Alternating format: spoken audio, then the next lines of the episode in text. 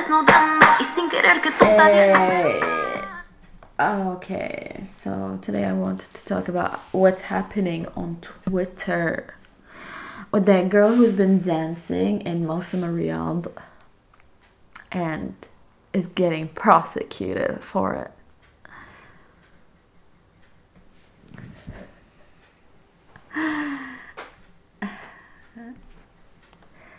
So apparently people don't have any problem with someone dancing in public like you see all kinds of uh, showing happiness and celebrations all of these kind of emotions. We have no problem with it.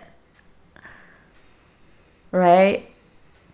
Men are celebrating it and then been dancing out. There's no problem with it. They've been shaking their asses. They've been shaking their hips doing all kinds of mm, how do I put this? How do I articulate this in correct words? They would be doing all kinds of mm, celebratory movements that, by the way, are okay with our general taste we have something called general taste in Saudi Arabia. General taste. It's not something where you go and have something and eat it and it's like a general taste. No, general taste is like your more uh, manners and behaviors, how you manage and carry out yourself in public, and whether you're going to hurt the public feelings or not, and whether it fits the public moral standards or not. Okay, that is general taste in Saudi Arabia, and it has absolutely no foundation whatsoever because whatever is general taste for men doesn't apply for what is general taste for women. Okay. So, people got really upset that that girl who is wearing abaya and niqab and just dancing with her friends. It really hurt their feelings on a personal level. Like, someone went to their house and slapped the shit out of them or something. Like, I don't understand what kind of logic is that. Or, I don't know, beat the shit out of your kid kind of logic. That kind of upset, like, you know, like when in fact, you see all of these videos being posted of kids getting beating the shit up by their parents and no one is saying anything. Oh, excuse me, general taste. You were not even there to care about these kids, but that girl who was just expressing how she feels is like hurting the general taste. My god. Mm. excuse me, I didn't mean to laugh, but it's just really funny, it's comical. So this girl is getting prosecuted for expressing her feelings, which is like apparently like, oh my god, okay? And that's one thing that they prosecute this one girl, not prosecuting the rest of the people who are hurting the general taste. Like, that's none of my business, okay? It's still like unacceptable but okay, we get it. But seriously, though, going on Twitter, I'm talking to you, celebrities, Saudi celebrities, female Saudi celebrities, okay? Those who are privileged to the point they forgot where they came from and who defended them when they needed us the most. I'm talking to you. You forgot your place, right? But let me hear, I'm to come and remind you that whatever you're doing with your life, whatever you chose to be, whatever your uh, what image you're trying to portray to others and who you are, where you come from. That's totally up to you, honey. But don't go around and tell people what is right and what fits them best and what does not fit them best.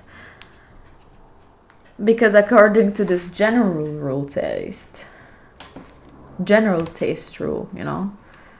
You don't you do not you you don't fit in that category, you know.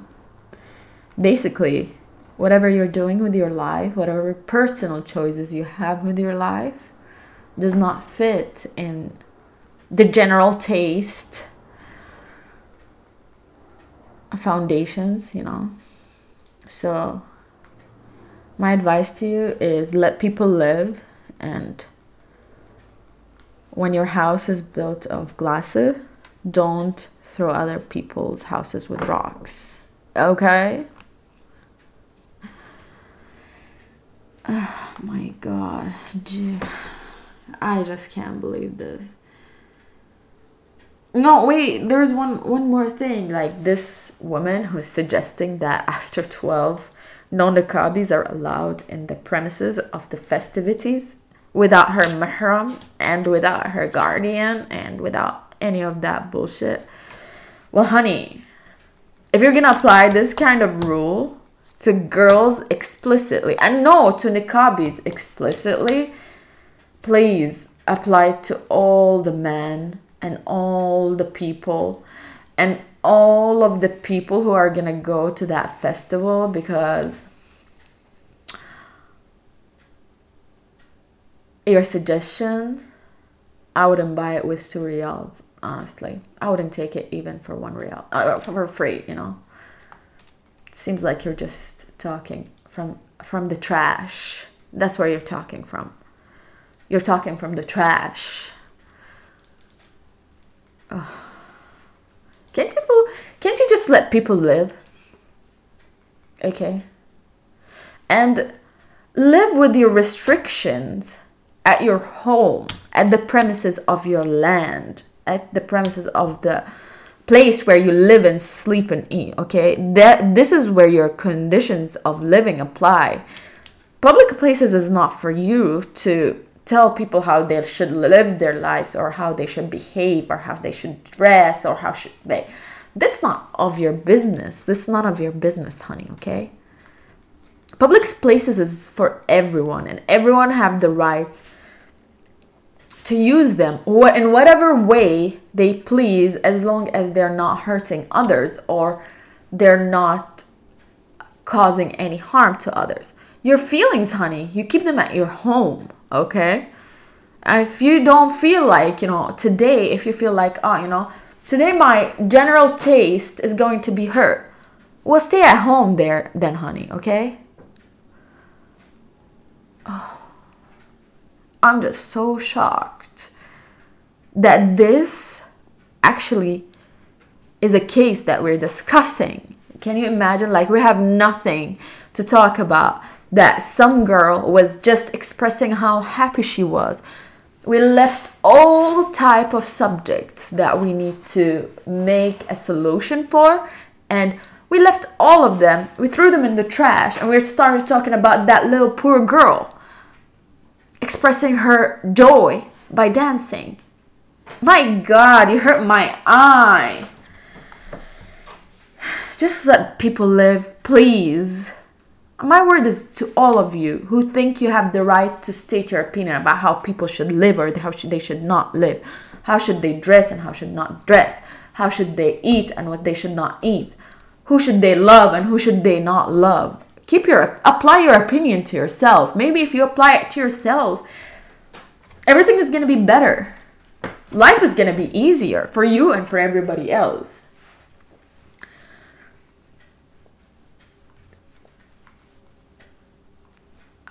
one more thing I forgot to mention because I read some of these comments like, well, it's okay that she dance, but she's really degrading the niqab and the abaya. Dude, the niqab and the abaya have no feelings. Gee. Do you think they will they will they will like wake up and tell her like you be degrading me? You shouldn't be doing that. Like seriously? you forgot this girl's dignity and you're like talking about the dignity of a piece of clothing? Like, seriously, when you wear your underwear, do you think your underwear will feel disrespected that you put it there in between your legs? How disrespectful. My god, like I'm out of word. Like I have no words to express myself right now.